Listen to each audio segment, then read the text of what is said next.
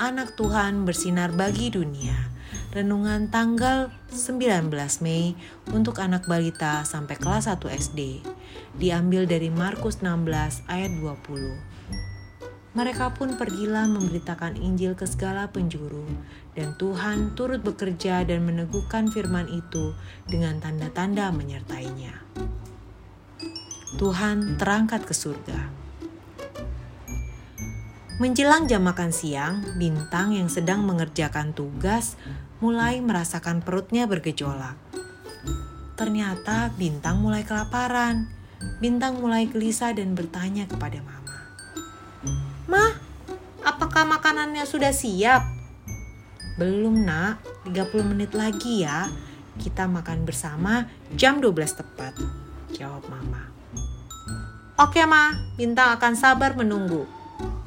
Bintang sembari menarik nafas panjang. Hei perut, sabar ya. Sedikit lagi kita bisa makan bareng-bareng. Gumam Bintang sambil mengerus perutnya.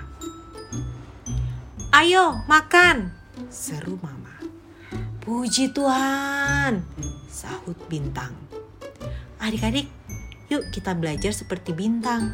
Ketika merasa kelaparan, dia memilih untuk bersabar dan menunggu.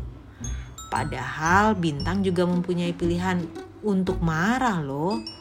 Tapi itu bukan menjadi pilihan bintang.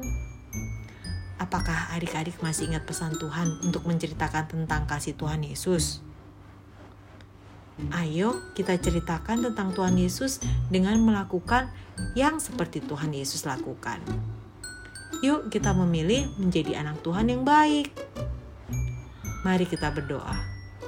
Tuhan Yesus, aku mau jadi anak yang baik. Berkati aku Tuhan Yesus. Terima kasih Tuhan. Amin.